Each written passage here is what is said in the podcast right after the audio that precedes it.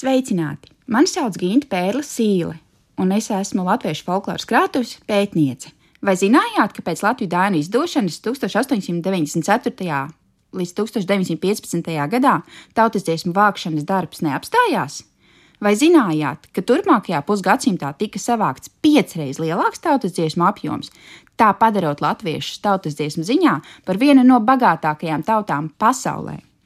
19. gadsimta otrajā pusē uzsāktais folkloras vākšanas darbs ir ierosinājums apjomīgai folkloras vākšanas kustībai, kas augstāko iesaisti sasniedz Latvijas pirmās brīvvalsts laikā.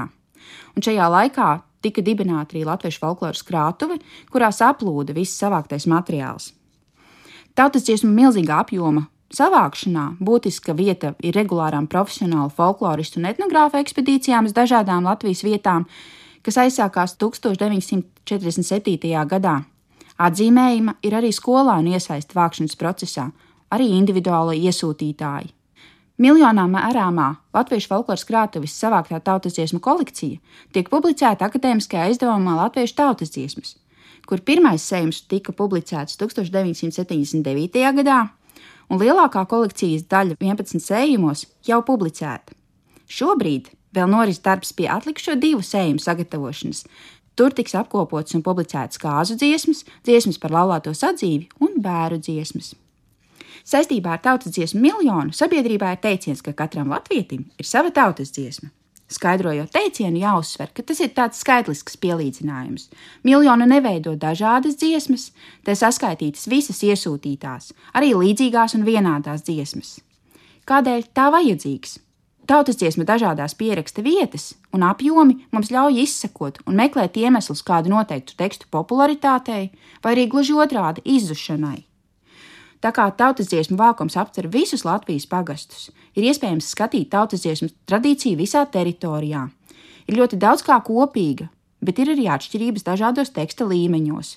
Tikai viens piemērs. Kāzās brīdī, kad tiek ievesta jaunā saimniece, reiz suns, un tas dažādi apspēlēts tautas dziesmās, šķietami dziedot par vienu tēmu, kāda būs jaunā saimniece raksturā un prasmēs. Tā, piemēram, kurzemē pierakstīta dziesma, sunīts asti kustināja, pārveda auzu malēņu, vai kustini nekustini, tā te auzu nesamals. Vidzemē tas paust šādiem vārdiem: suņi rēja, vilki kauca, pārved jaunu saimnieci, šķīstas putras vārītāju, plāna klaipa cepējiņu.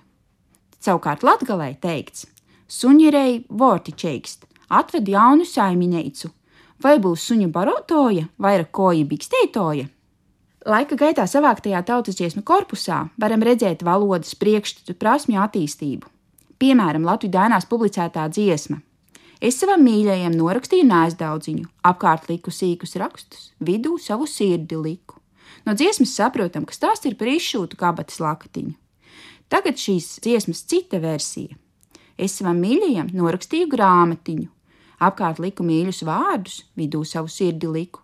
Ja zinām, ka par grāmatiņu agrāk sauca vēstuli, skaidrs, ka meitene vairs neizšuj, bet raksta. Piemērā redzam, kā vecā formulā ielikts jau jauns saturs.